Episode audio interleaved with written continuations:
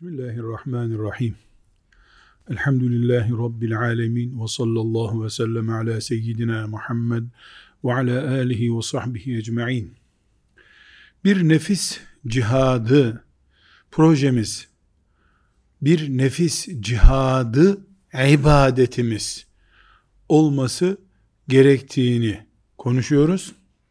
Bu nefis cihadının sözle, sadece dua ederek gerçekleşmeyeceğini de, çünkü nefsimiz elle tutulur, hapsedilir, aç bırakılır bir nesne değil, kimliğimiz, karakterimiz bizim bu. Bu bizim öz bünyemizi yansıtıyor. Dolayısıyla büyük bir mücadele, nefis cihadı mücadelesi diyoruz. Bunun için dikkat edilecek en temel hususlar, nefis cihadı projemizin parçaları diyelim. Birincisi akidemizi ashab-ı kiram akidesiyle uyumlu hale getireceğiz. Felsefesiz, amasız, kamasız, tartışmasız akidemiz olacak. Şu kainatta bir Allah olacak, başka hiçbir şey olmayacak kafamızda cenneti, cehennemi, sıratı, mahşeri, kabri tartışmadan inandığımız değerler haline getireceğiz. Kur'an-ı Kerim kutsal kitabımız olacak, uygulanacak. Sadece sözle Kur'an-ı Kerim kutsal kitabımız demek yetmiyor. Pratiğimizde de o olacak Allah'ın izniyle. Bu akidemiz. İkinci nefis cihadında çok dikkat edilmesi gereken husus insanın başına buyruk kalması uçurumdan yuvarlanmasının başlangıcıdır. Başa buyruk kalmak yani kontrolsüz yaşamak yaptığın işleri sadece ekonomik değerlere göre ve keyfe göre yorumlamak insan için bir afettir. Tasavvuf lisanıyla söyleyecek olursak insan murakabeye muhtaçtır. Murakabe ne demek? Kontrol gücü demek. İnsan kendisini de kontrol etmeli, kontrol edilmeye de müsait olmalı insan.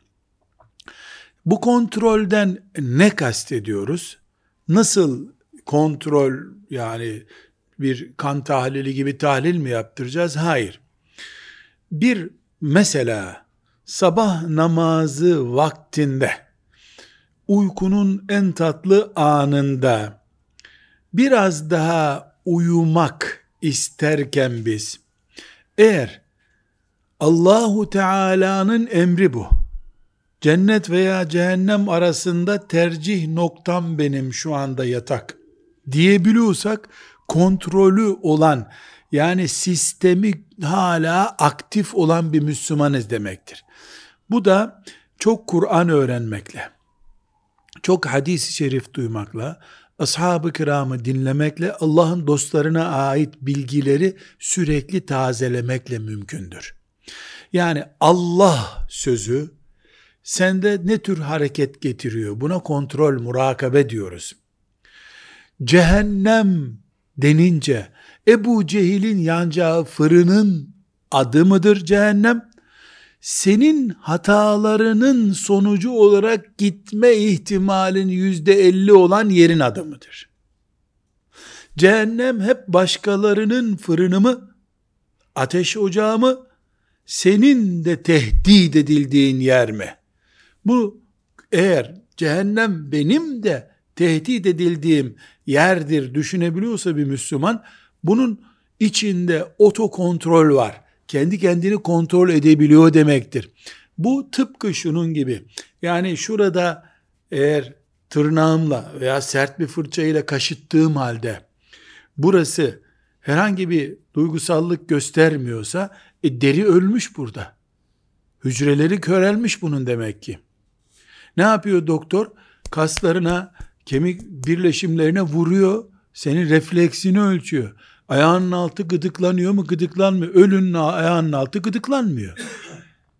Bunun için Müslüman haram sözcüğünü duyduğunda Allah'ın ayeti dendiğinde Resulullah sallallahu aleyhi ve sellem bunu sevmezdi, istemezdi dendiğindeki refleksi, anındaki refleks. Müslümanda bir kontrol gücünün hala devam edip etmediğini gösteriyor. Bir de mesela şöyle bir örnek düşünelim. Nefis cihadına e, altyapı oluşsun diye. Mesela e, iki kişi tartışıyorlar. Biri öbürüne ya Allah'ını seversen mesela diyor. Bir insanın salınabileceği en büyük yemin tarzı. Allah'ını seversen yapma böyle diyor. Eğer madem Allah'ı ortaya koydun pek kalsın bu iş diyebiliyorsa murakabe gücü var demektir. Bunu lafla söylemek kolay. Ama uğruna bedel ödenerek söylendiğinde bu bir imandır. Maazallah Allah'ı bu işe karıştırma. O başka bu başka diyorsa bu da neyi gösteriyor? O kişide murakabe gücü yok. Salınabileceği en büyük noktaya salınıyor. Allah'ın hatırı için deniyor. Vazgeçmiyor. Burada tabii bir dipnotta fayda var. Yani Müslüman Allah'a salınarak her türlü kazığı yer demek değildir bu. Bu bir aile tartışmasında, bu büyük bir hüsran olmayacak tartışmada olur. Yoksa Allah rızası için Mekke'yi bize verin ne olursunuz dese Yahudiler verecek miyiz yani?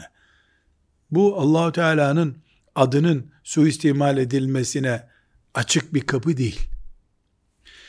Üçüncü nefis cihadı için bulunması gereken noktalardan biri Allahu Teala'nın mahlukatı üzerinde tefekkür kabiliyetimizin gelişmesi lazım. Mesela kaç yaşındaysın? 45. 45 seneden beri balkonda oturup gökyüzüne bakıp ya Rabbi bu kadar yıldızlar nasıl böyle duruyor?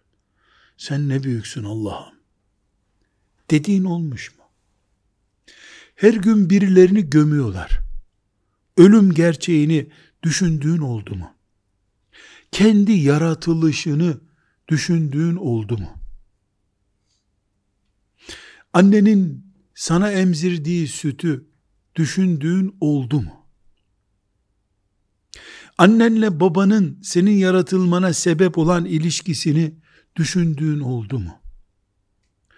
Milyarlarca insan Bunların neredeyse tamamına yakını Allah'a asi, gökten bunlara yine rahmet iniyor. Bunu düşündün mü? Bu kadar insan cehenneme girecek. Ya Rabbi bu cehennem nasıl bir yerdir? Bunu düşündün mü? Aynı annenin, aynı babanın çocukları olmadığımız halde, mümin kardeşimizle bir muhabbet ederken, bir çay içerken, bir çorba içerken, Birbirimizi niye seviyoruz? Bunu düşündük mü? Niye gökler, yer, bu iç ikisi arasındaki mahlukat bu kadar düzenli de insan düzensiz işler yapıyor? Düşündük mü? En çok sevdiği kulu olan Muhammed sallallahu aleyhi ve selleme en azgın düşmanlarını Allah'a niye saldığını düşündük mü? Bir siret kitabı okurken, üç sayfayı altı ayda okuyacak kadar tıkana tıkana, beynimiz çatlarcasına tefekkür ederek okuduğumuz oldu mu? Yoksa bir otobüs yolculuğu gibi camdan seyrettiğimiz her şey hızlıca gelip geçiyor mu? Nefis mücadelesi için tefekkür kabiliyeti olan insan lazım kendi yaratılışından en öncekilerin ölümüne, ona meyve getiren kiraz ağacına varıncaya kadar, kainat üzerinde düşünme kabiliyeti olmayan birisi, hiçbir şekilde akıbet düşünemez ki. Yaratılışını düşünemiyor ki, ölüp cehenneme gitmeyi düşünsün veya cennete gitmeyi düşünsün. Yine bu da nasıl sağlanacak tabi? Kur'an bilgisiyle sağlanacak. Okuyacak Kur'an, bakacak Kur'an diyor ki, deveyi görmüyor musunuz nasıl yarattık bunu? Alimallah, insan e, umreye gider gibi. Mesela Kazakistan'a gidip veya devenin çok yaşadığı Türkmenistan'a gidip develer üzerinde bir inceleme yapmasına değer mi? Değer. Çünkü Allah deveye bakın imanınız artsın diyor. Var bir şey bu devede.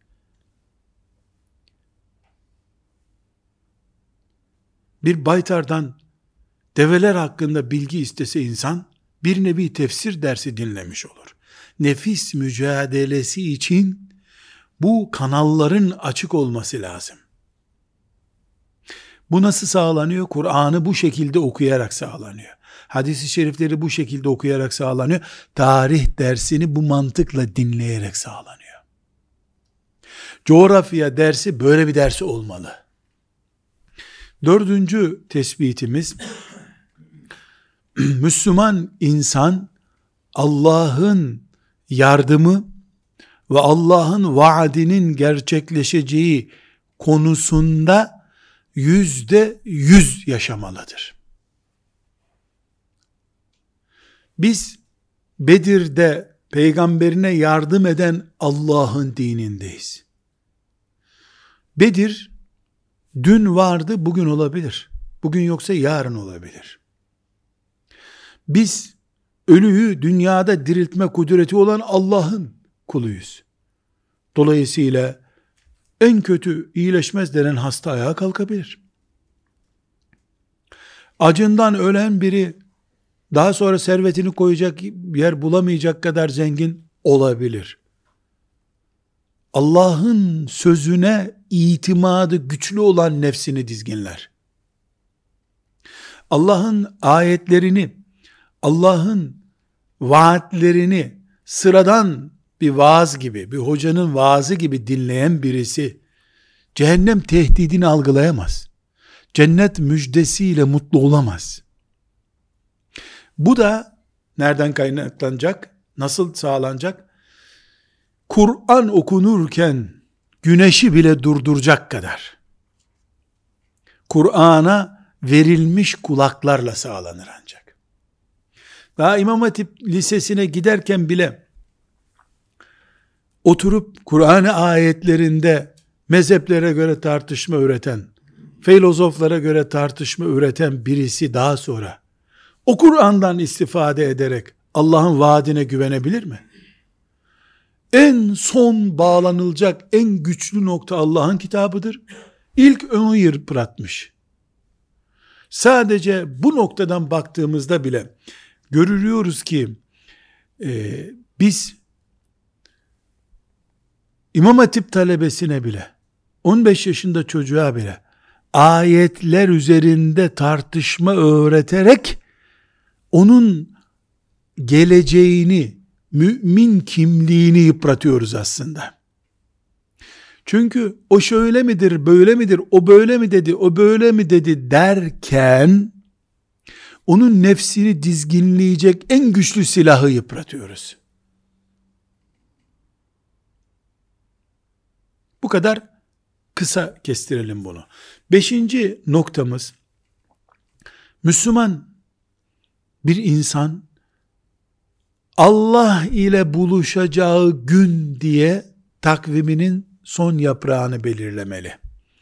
Ev alırken, iş yaparken, evlenirken, boşanırken, hayatın her alanında Allah ile buluşacağım gün diye bir son nokta bulunmalı. Bu son nokta nasıl bir silah biliyor musunuz? Allah ile buluşacağım gün ne olacak bu dediği zaman zinaya yanaştıramazsın o insana. Hani meşhur hadisi şerifte zengin, forslu bir kız, kız olarak getirip erkeğe nefsini teklif ettiğinde ne diyor adam? Ben alemlerin Rabbi Allah'tan utanırım, yapamam bunu diyor. Çünkü Allah'la buluşacağı gün hep gözünün önünde. Ölüleri gömdüğümüz mezarlık değildir bizim köyün mezarlığı. Bizim gömüleceğimiz mezarlıktır. Mezarlığa bakışı benim gömüleceğim mezarlık diye düşündüğümüz zaman ölüm gözümüzün önünden gitmez. Ölümle beraber Allahu Teala ile buluşacağım garanti olunca da herkes haddini hududunu bilir. Nefis için çok büyük bir silah bu. Altıncı nefis cihadı protokolümüzün noktası Allah'a karşı takvamız kadarız inancı yerleşecek. İnne ekremakum indallahi etkâküm. Ne kadar Allah'a karşı takva iseniz o kadarsınız. Ayetini uygulayacağız. Bu ne demek? Sandalye, force, koltuk, force, makam, force, zenginlik, force, yakışıklılık, force ama kafirlerde. Müslümanda force sadece takva. Sadece takva. Bunu sözde yapmak kolay. Pratikte de böyle yapacağız. Kız alırken verirken takva ne kadar pratiğimiz? İş ortağı seçerken takva ne kadar pratiğimiz? Bir ev satın alırken semte camiye yakınlığına bakışımız ne kadar pratiğimiz? Arkadaşlarımız arasında küçük dediğimiz haramlara bile bulaşmama oranı yüksekliği ne kadar? Bunlar hepsi takva hayatımızın varlığını veya yokluğunu gösteriyor. Eğer takva varsa Allah'ın izniyle nefis terbiyesi için depoda silah malzeme var demektir. Tıpkı silah gibi orduda silahlar yok asker var. Ne yapacaksın ki silahsız askeri? Kum torbası onlar. Nefisle cihat içinde silah lazım. Bu silahların başında takva geliyor. Yedinci noktamız İslam terbiyesi denen şeylerden taviz vermeyeceğiz. Mesela İslam terbiyesi küçüklere merhamet gösterilir, büyüklere saygı gösterilir. Peygamber sallallahu aleyhi ve sellem büyüğüne saygı göstermeyen bizden değildir buyuruyor. İslam terbiyesi. İslam terbiyesi sol elle sümkürülür, sağ elle sümkürülmez. Taharet sol elle yapılır. İslam terbiyesi bu. Eve selam vermeden girilmez. Hatta ağız alışkanlığı bozulmasın diye evde hiç kimse yoksa bile melekleri görüp orada selamun aleyküm deyip eve gireriz. Selamsız eve girmeyiz. Böyle pek çok adab var. Bunlara dikkat ed- etmek ambalajını güzelleştirmektir nefis cihadının. Bize belki nefis cihadı şöyle gösteriyor. Yani alkol almıyorsun. Namaz kaçırmıyorsun. Sövmüyorsun, saymıyorsun. Dolayısıyla nefis epey terbiye olmuş. Hayır. Edepleri yıprattığın zaman soğuk algınlığı oluyor nefiste. Bugün İslam edebinden taviz veren yarın namazdan da veriyor. Öyle başlatıyor nefis bunu. E, ne olacak ki çocuklara da mı selam vereceğiz diyorsun. Çocuklara da mı selam vereceğiz diyorsun ya bir sene sonra büyüklere de selam vermiyorsun sen. Çok yorgunum dalgınlığıma geldi diyorsun. Selam vermediğin zaman melekler senden kopuyor. Selamsız girdiğin evde namaz kaçırıyorsun bu sefer. Taviz verilecek tek bir edep noktamız yoktur. Sekizinci çok önemli nokta nefis cihadında Müslüman olarak bizde Rabbani kimlik oluşturan iç hassasiyetlerimizi sürekli geliştirmek zorundayız. Allah korkusu, Allah ve peygamber sevgisi, namazda huşu, Allah'tan umut, Allah'a tevekkül, sabır, merhamet, şecaat, Bunlar elimizle tuttuğumuz şeyler değil ama Müslüman yüreğimizde bulunması gereken damarlarımız bizim bunlar. Merhamet damarı, Allah sevgisi, peygamber sevgisi damarı. Bunlarda körelme olduğu zaman, Allah'tan umutlu olmak, köreldiği zaman, Mesela nasıl Allah'tan umut köreliyor? Hep böyle ahiretten umudunu kesmişlerin içinde oturdun mu sen de kaybediyorsun o hissiyatını. Kur'an'dan etkilenmiyorsun. İç dinamizmimiz diyelim buna biz. Mümin kimlik olarak iç dinamizmimiz Allah korkusu, Allah sevgisi, peygamber sevgisi, sahabeyi putlaştırmadan sevme düzeyi, namazda huşu, umut bağlamak, sabır, tevekkül bunlar sürekli gelişmeli. Bunlar nasıl gelişir? Mesela Riyazu Salih'in okuyarak bunlar gelişir Allah'ın izniyle. Ve bir dokuzuncu son nokta olarak da dünya nimetlerine karşı zahit olmak zorundayız. Zahit nedir? Dünya nimetlerine kendini satmamaktır. Nimet kullanmamak değil. Bunu pek çok derste örneklendirdiğim gibi yine örneklendireceğim. Birinci el arabaları konuşuyoruz. 100 bin liraya araba var. 200 bin liraya var. 1 milyon liraya da araba var. 100 bin liralık araba memur arabası. 200 bin liralık araba iyi bir esnaf arabası. 1 milyon liralık araba da fabrikatör arabası. Diyelim. Bu ölçülere dair bir bilgim e, yok benim. Ama böyle bir varsayım konuşuyorum.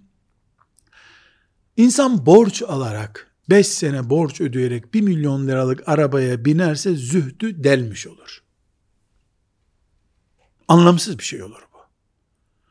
Ama e, sekreterine oradan 1 milyon liralık çek yaz yavrum diye tembih edecek durumdaki birisi 1 milyon liralık arabaya binerse bu zühdü delmek olmaz. Normaldir. Allah verdiği nimeti görmekte bir sakınca görmüyor. Görmek istiyor üstelik. Bir şartla. O arabayı aldığın günden sonra sabah namazına gidemiyor musun? Onu söyle bana. Sen de biraz böyle vay be kimmişim de haberim olmamış bugüne kadar havaları oluştu mu? Özellikle arabayı aldıktan sonra köye bir gideyim. 20 sene önce bu köyden nasıl çıktığımızı bir hatırlasınlar. Dedin mi? O arabadan sonra ben 200 bin liralık arabaya biniyordum. E, etrafımdaki fakir akrabalara toplam 2 bin lira veriyordum her ay. Araba 5'e katlandı. 2 bin lira veremem artık. Bu, bu verdiğim sadaka da 10 bin olmalı şimdi. Dedin mi? Nimetin kalitesinden bir sıkıntı yok. Lüks, lüks olsun. Ev için de aynı şey geçerli. Sıkıntı nerede?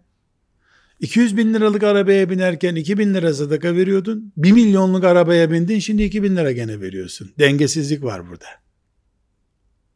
Nefis bundan çok hoşlanır. Çalmadık ya demeye başlar nefis. Çalmadık ama Allah bereket verdi. Bu bereketi niye sadakaya yansıtmıyorsun diye nefse cevap vermek lazım.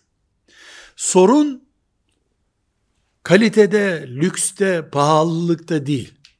Sorun o nimet çapında kulluk şuuru gösterememekte. Fakirle sen aynı sadakayı veriyorsun. Halbuki arabanın vergisi neredeyse senin arabanın yıllık vergisi o adamın arabası kadar. İkiniz de 20 lira sadakayı fıtra veriyorsunuz. Dünya nimeti seni bloke etmiş o zaman. Zühd konusunu özellikle buraya yaymak istemiyorum. Ama zühd dünya nimetlerini tepmek değildir. Dünya nimetlerine kul köle olmamaktır. Sen 100 bin liralık araban bile yokken canım ciğerim dediğin eşinle 1 milyon liralık arabaya bindiğin zamanki ifade tarzın aynı mı? Aynı. Yine eşim tatlım diyorsun. Hiçbir sıkıntı yok. Hiçbir sıkıntı yok. Neden? Sen aile düzenini bozdurmamış. Namaz düzenine etki edememiş. Sadaka düzenini artırmış. Sana helal olsun. Hoş olsun. 2 milyonluğu nasip etsin Allah. Bir de özel uçağın olur inşallah. Çünkü özel uçağın olursa 5-10 fakiri daha doyuracağın belli bu mantıkla senin. Ne konuştuk 9 maddede? Nefis cihadının malzemeleri nelerdir? Neler üzerinden bu cihadı yürüteceğiz? Buna dik, e, dikkat etmek istedik. Şimdi nefis cihadı ile ilgili bir e, nokta daha açacağız. Bu noktanın özelliği şu. Nefis cihadını neler yapacağız diye 9 maddede saydık. Nefis cihadı yaparken ortaya çıkacak sorunlar var. Bu sorunlara dikkat edeceğiz. Birinci sorun nefis cihadı esnasında ibadetlerin rutinleşmesi sorunudur. Rutinleşme ile ne kastediyorum? Bu yabancı bir kelime de çok kullanılıyor diye mecbur ben de kullandım. Yani sabah namazına elhamdülillah biz 15 yaşından beri kalkarız. Yani sabah namazı kaçırma. Ramazan orucu en rutin ibadettir mesela. Ramazan orucu kolay kolay bize etki etmez.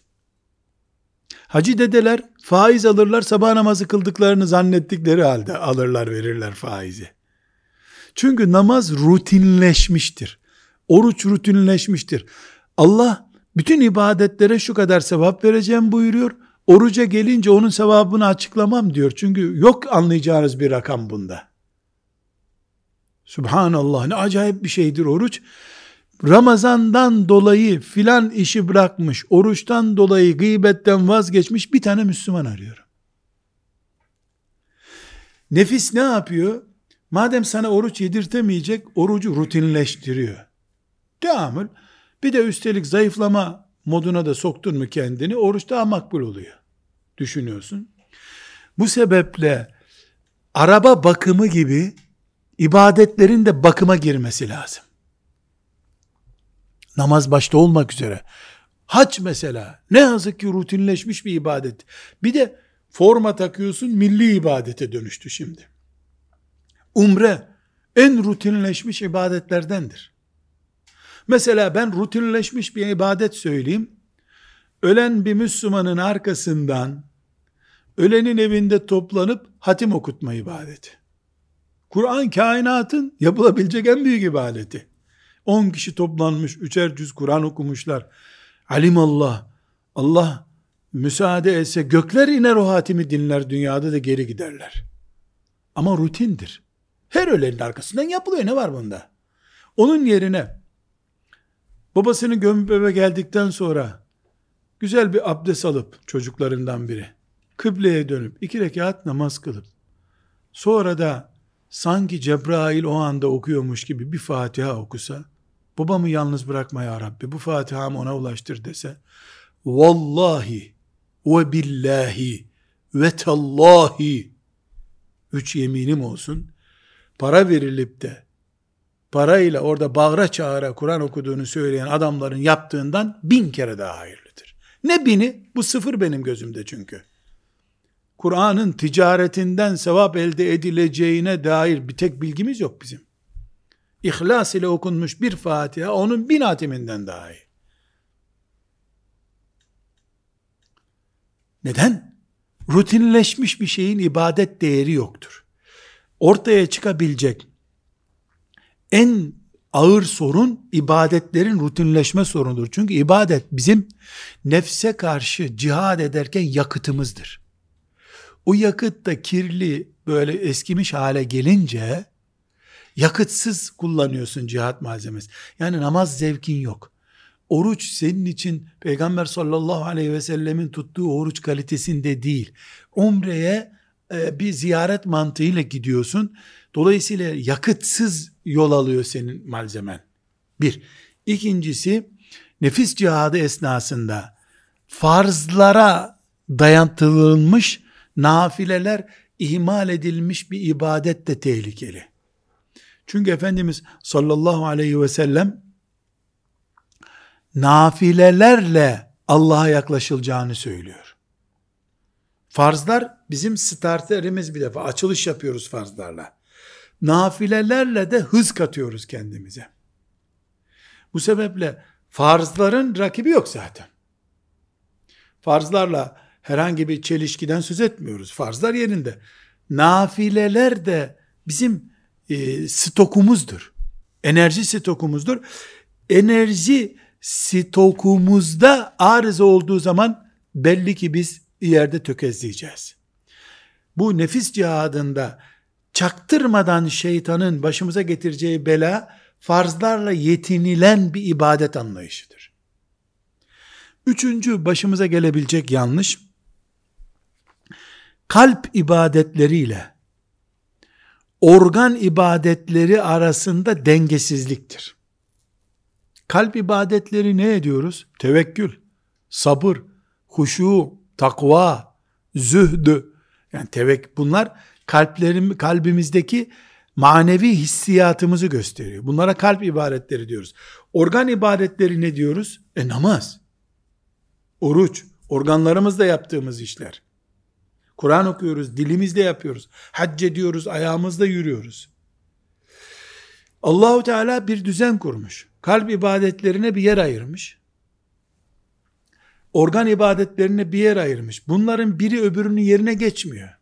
Çok Allah'a tevekkül eden ama namaz kılmayan bir adam düşünemeyiz. Tıpkı asla namaz kazası, 60 senedir namaz kazası olmayan ama Allah'a tevekkülü zayıf bir adam. Onu da düşünemeyiz. Bu bir dengesizlik çeşididir. Bin kere la ilahe illallah diye bir kere Allah'a güvenmemek öldürür insanı. Allah'a tevekkülün de tam olacak. Allah değişin, kelime-i tevhid söyleyişin de tam, tam olacak. Bu sebeple nefis cihadında başımıza gelebilecek en büyük sıkıntı bu dengesizliktir. Yani çok fazla mesela ibadetlere önem veriyorsun. Müminlere karşı merhamet, tek vücudun organı olma hissiyatı bir türlü sende ilerlemiyor. Senin namaz ve orucun İslam kardeşliğini eziyor bu sefer. İslam kardeşliği hissiyatın çok yükseliyor. Eve gitmiyorsun. Çoluk çocuğunu ihmal ediyorsun. Onlarla uğraşırken namaz kılmıyorsun. Her iki pozisyondan da istifade eden şeytandır. Seni bu şekilde bir maceraya sokuyor. Bu maceradan sonra nefis başıboş kalıyor. Kesinlikle mesela bu son verdiğim örnekte İslam kardeşleriyle uğraşmaktan namaz vakti bulamayanlar sonunda onu da bırakırlar, orucu da bırakarlar. Çünkü dengesizliğin getireceği felaket ölçülemez. Uçağın kanatları gibi tek kanat olamayız. Tek kanat olursa fırıl fırıl dönersin havada. Bir başka e, oluşabilecek sıkıntı nefis cihadı esnasında muhasebenin ihmal edilmesidir. Muhasebe bildiğimiz sorgulama demek. Üç türlü muhasebemiz var bizim. Birinci muhasebemiz yapacağım iş Allah'ın şeriatına uygun bir iş midir? Her neyse yaptığın. Bunun muhasebesi yapılması gerekiyor. İkincisi yaparken bu işi ihlasla mı yapıyorum? Başka bir menfaatten dolayı mı yapıyorum? Üçüncüsü yaptıktan sonra bu iş acaba kabul oldu mu olmadı mı? Bunu tefekkür etmek zorundayız. Yani muhasebe şart. Üç türlü muhasebe. Şeriata uygun mu yapacağım iş? Yaparken Allah için tam yapabiliyor muyum? Yaptıktan sonra acaba kabul oldu mu? Bu üç düzeyi yakaladığımız zaman her işimizde mesela ee, çok basit. Yazın akraba ziyaretine gidiyoruz. Bir, şeriata uygun mu? Uygun tabi. İki, Allah için mi dayımı ziyarete gittim? Elhamdülillah. Üç, Rabbim kabul etmiş midir? Tabi ayrılırken dua edelim birbirimize. Allah kabul etsin dedik. Tamam. Başka B versiyonuna geçelim şimdi. Dayı ziyaretine gideceğiz ama Gittiğimiz yerde kadın, erkek, çırılçıplak, tatil bölgesinde hür bir şekilde oturacağız. Kapandı kapılar. Muhasebe yaptık. Sıla-i Rahim Allah'ın emri ama bu sıla-i Rahim bizi bir haramla iç içe koyacak. Bitti bizim için bitti bu. Bu yok dedik. Bir başka e, nefis cihadı esnasında kazalar Bunların olmaması için tedbirler. Konuştuğumuz konu bu şimdi. Nefsin en ağır karakteristik özelliklerinden biri maymun iştahıdır. Maymun iştahlıdır nefis. Her gördüğünü ister.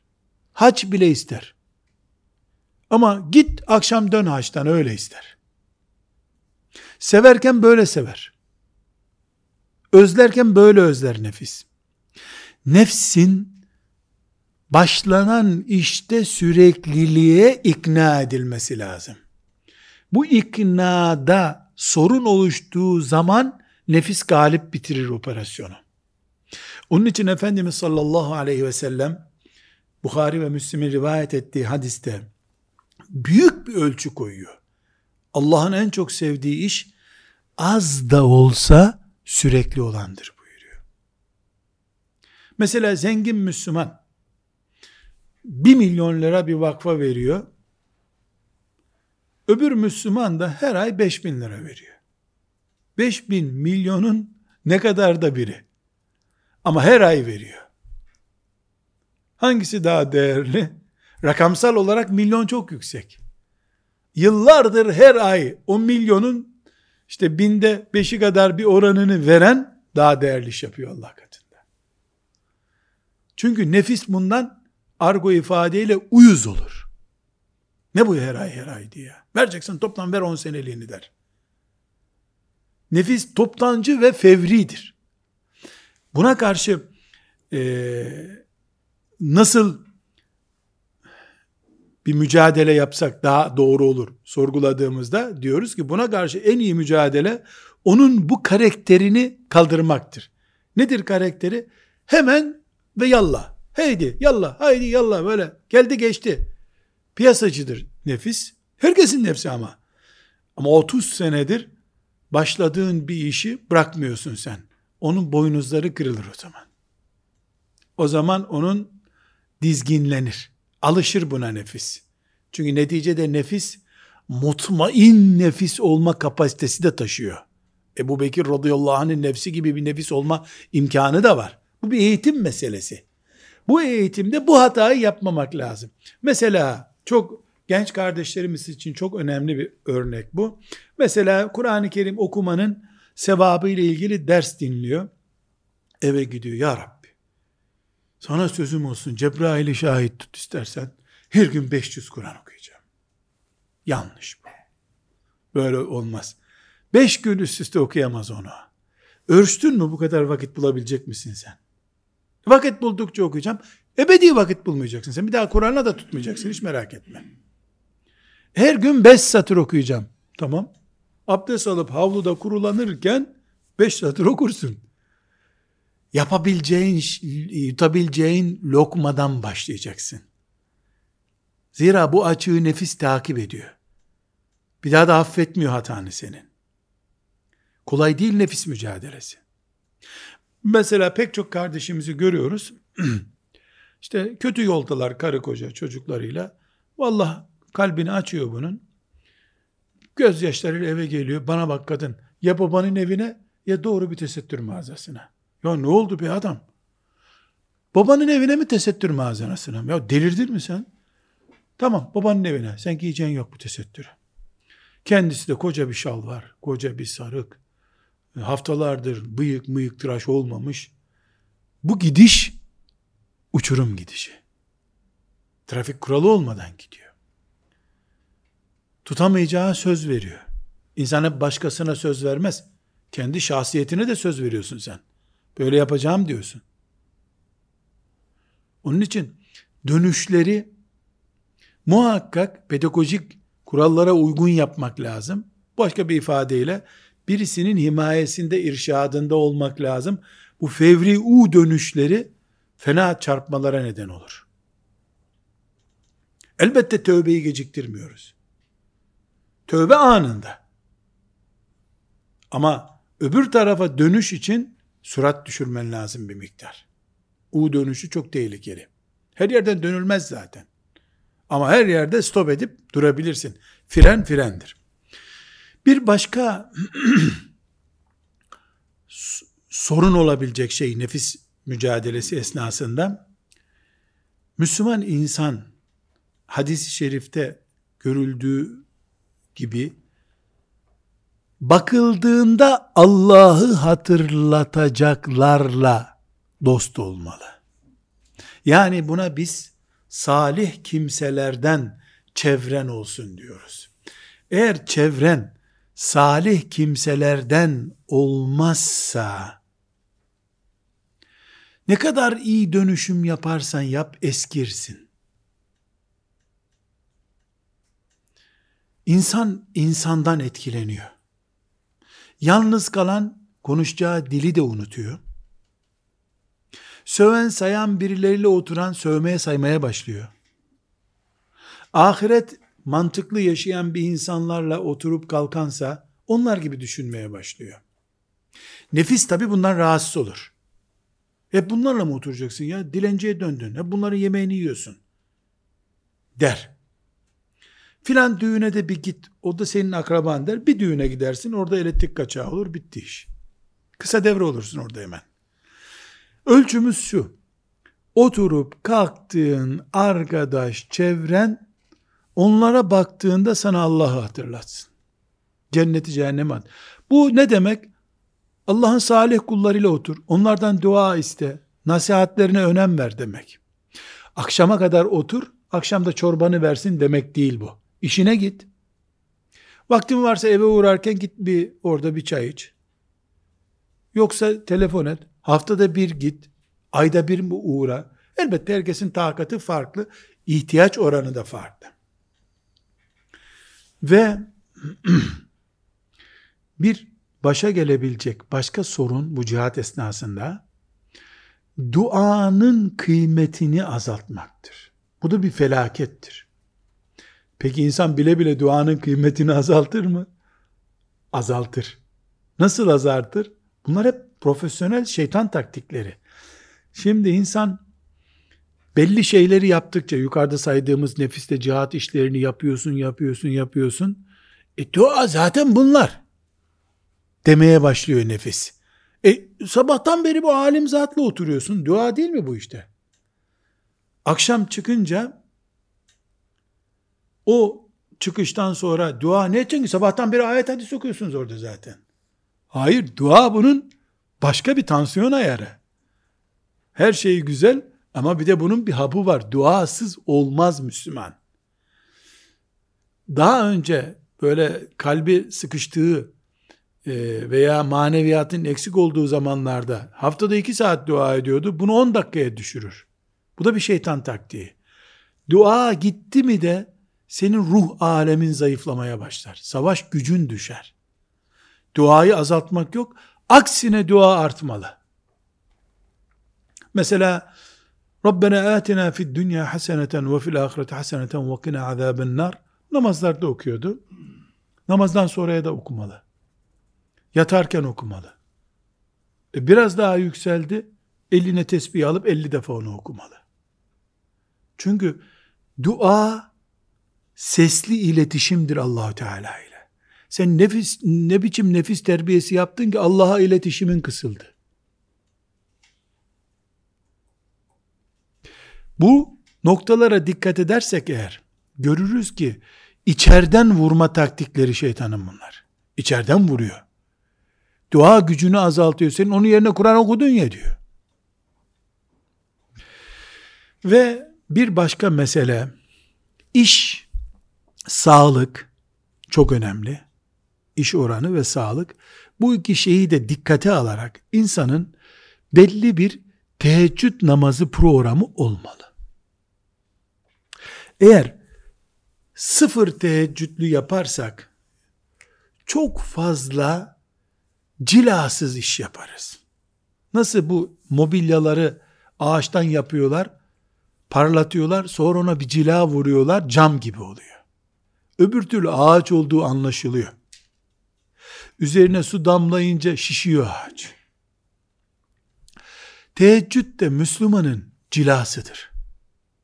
Fakat e, her gün 30 ayda 30 gün teheccüde kalktığı zaman İnşaatta çalışan bir işçiye bunu tavsiye eder? Etmeyiz. Uyku düzeni bozulur. İskeleden düşersin. Keseri eline vurursun. Dengeli olmak lazım. Emekli bir insan hep kalkmalı. Hep kalkmalı. Talebe okul tatillerinde kalkmalı.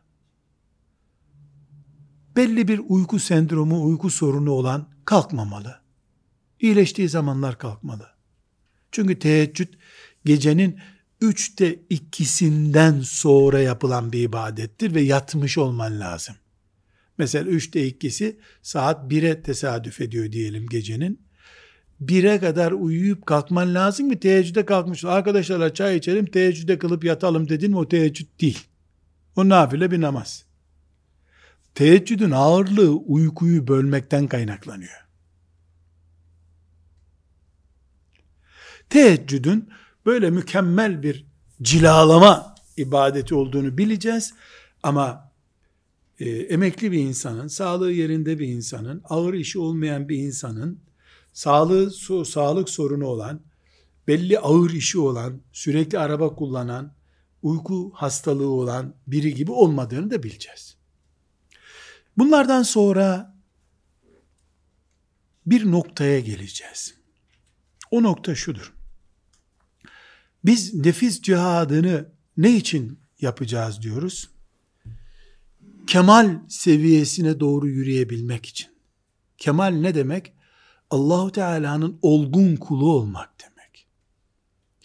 Olgun bir kul ama ne açıdan olgun? Pazıları olgun manasını değil herhalde. İnsanlığı olgun. Bu insanlığın içinde bedenimiz var, aklımız var, ruhumuz var. Yani nefis terbiyesinin sonunda cesedimiz de terbiye edilmiş olacak, göbek bağlamamış olacağız. Yağ deposuna dönmeyecek vücudumuz en azından. Aklımız kemale ermiş olacak. Ruhumuz Allah'ın rızasını bulmuş olacak. Ceset, akıl, ruh bu üç şeyi topluca eğitimimize dahil ettiğimiz için nefis terbiyesini mücadele ediyor. Aç kalarak yapamayız bunu. Uykusuz kalıp cinnet geçirip aklımızı kaybederek yapamayız. Tekrar ediyorum nefis cihadı beden, akıl ve ruhun topluca eğitilmesi demektir.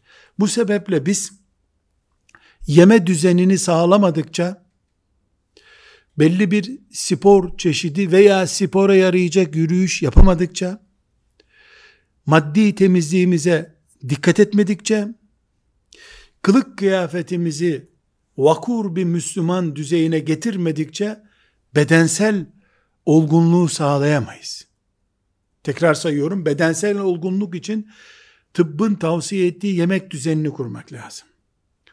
Tıbbın istediği Müslüman için zorunlu sportif bir beden sahibi olmak lazım. Zaten yemekte ancak böyle denge olabiliyor. Dış temizliğimiz çok önemli. Yani dökük, yırtık, kirli, ter kokan bir Müslüman olamayız. Ve kılık kıyafetimiz düzgün olacak. Aynı zamanda bir akıl terbiyesi gerekiyor. Aklımızın da olgunlaşması lazım. Akıl olgunluğu ne ediyoruz? yeterli ilmi düzey, mesleğime göre, yaşıma göre, ilgime ve sosyal kimliğime göre uygun bir ilim düzeyi. İki, ne yapıyorsam onu en iyisinden yapma kalitesi. Üç, kültürel bir iş yapıyorsam ikinci bir dil bilme, yabancı dil bilme düzeyi ve muhakkak yaşadığım toplumun kültürünü tanıma. Yaşadığım toplumun kültürü fasit, fasık, facir kültür değil. Yaşadığım kültür. Mesela Türkiye'de yaşayan birisinin yaşlıların önünde ayak ayak üstüne atılıp atılmayacağına dair bir bilgisi olmaması cahilliktir. Evet ayak ayak üstüne atmak haram değil, şirk değil, putçuluk değil, riya değil ama Yaşadığın toplum bunu yaptığında küçüklerin büyüklere karşı saygısızlık kabul ediyor. Bu da makul bir şey. Bunu bilmek zorundasın. Kültür buna diyoruz. Üçüncü olarak da ruhumuz bu nefis terbiyesinden istifade etmelidir. Ruhumuz üç şey elde edecek sonunda. Bütün bu mücadele önce cihat malzemesi verdik. Ondan sonra arızalar neler olabilir onları konuştuk. Toplamından üç şey elde edecek. Birincisi süreklileştirilmiş ibadet. İkincisi kötüsü olmayan arkadaş çevresi.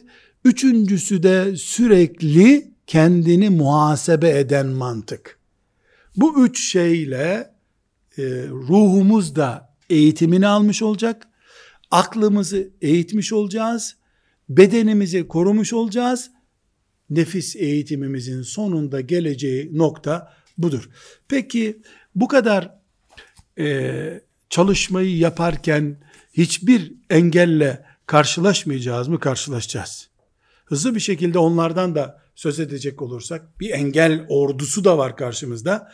Birinci en büyük engel ta Adem Aleyhisselam'dan beri en büyük engel nefis terbiyesi yapanların hep azınlık olmalarıdır. İnsan nefsi kalabalıklarla yürümek ister. Tek kalmayı parazit kabul eder. Yalnızlıktan hoşlanmaz.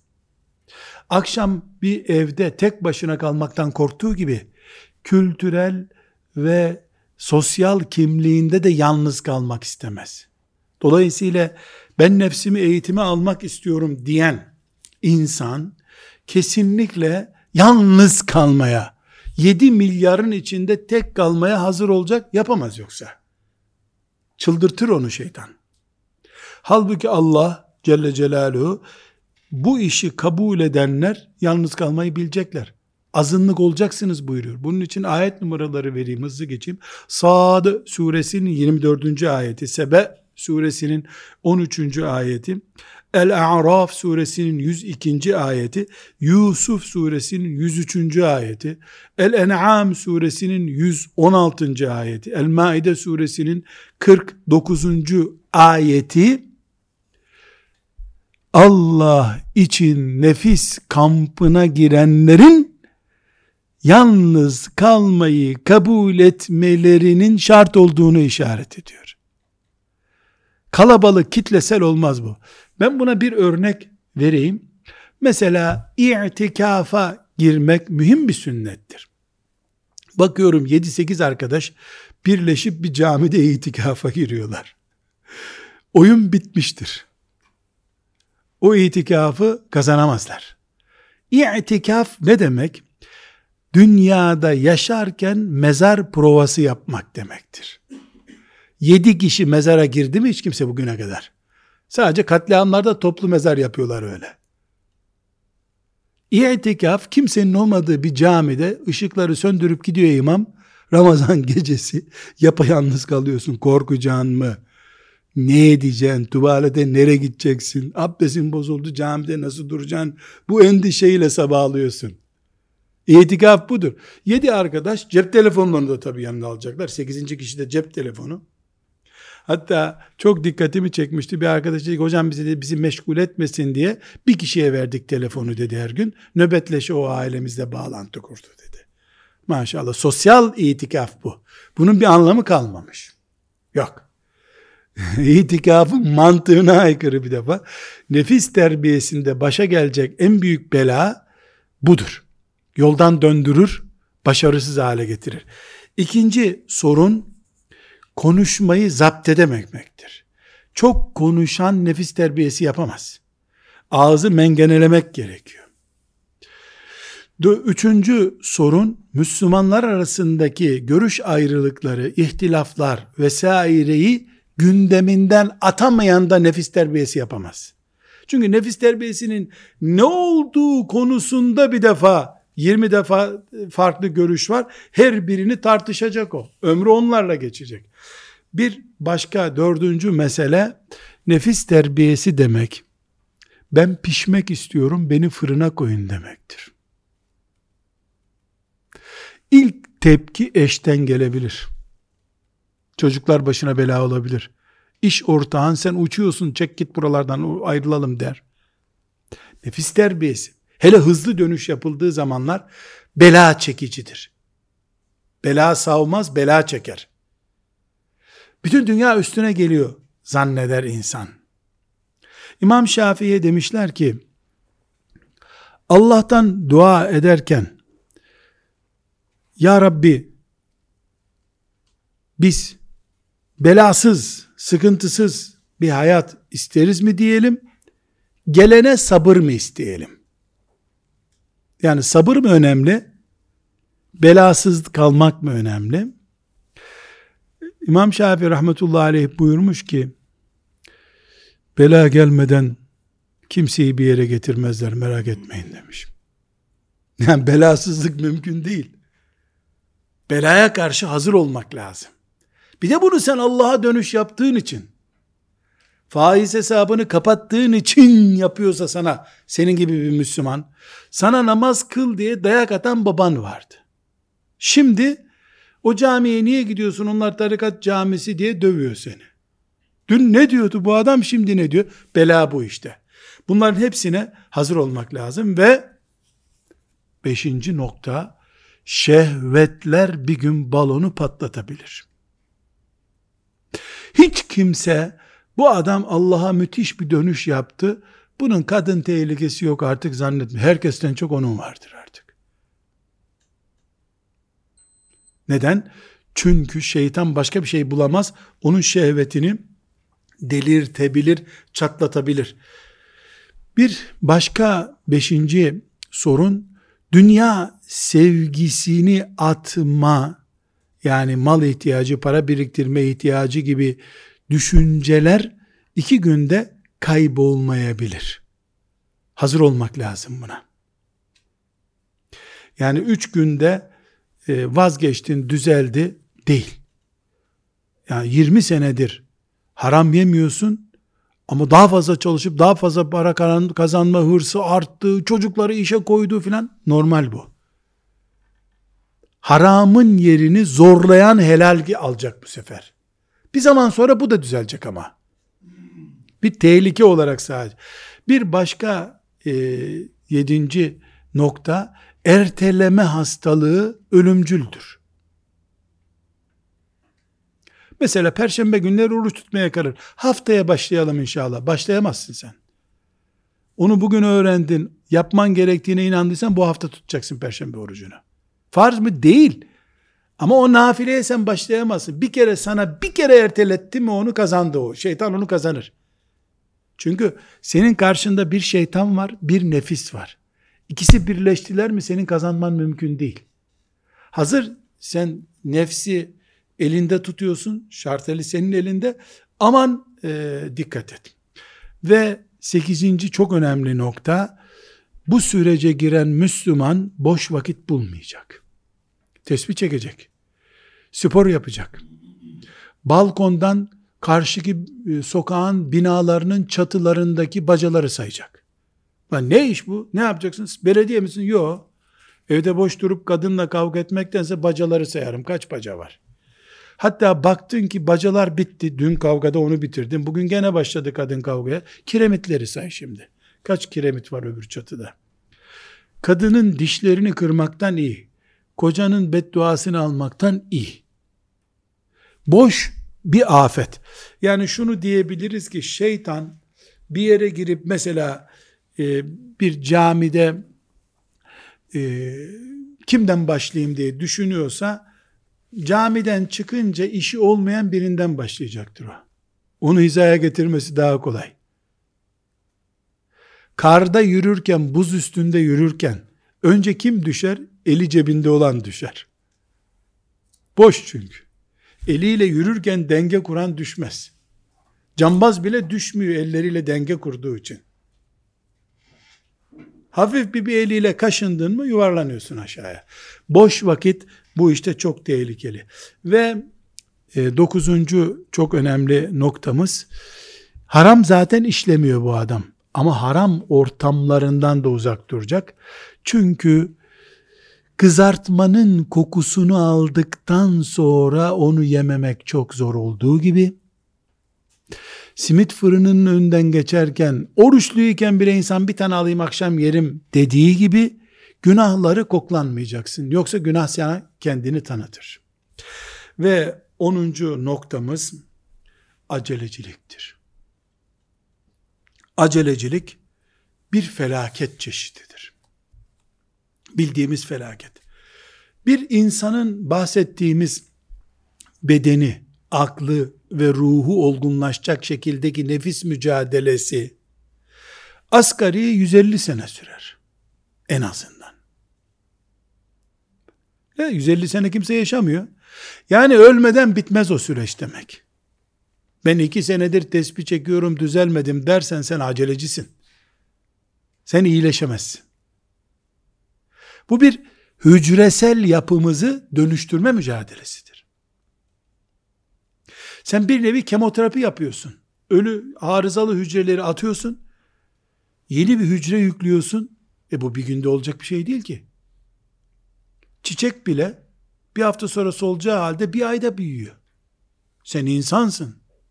Ve yılların birikmiş, oksitlenmiş mantığıyla bu işi yapıyorsun sen. Acelecilik bir afettir. Ala külli hal, Rabbim hepimizi muvaffak etsin. Nefis cihadı diye bir cihat var. Kafirle cihattan önce geliyor bu. Bunu konuştuk. Kolay bir cihat değil ama Allah'ı arayanların, cennet isteyenlerin buna koşması lazım. Sallallahu aleyhi ve sellem ala seyyidina Muhammedin ve ala alihi ve sahbihi ecma'in. Velhamdülillahi Rabbil alemin.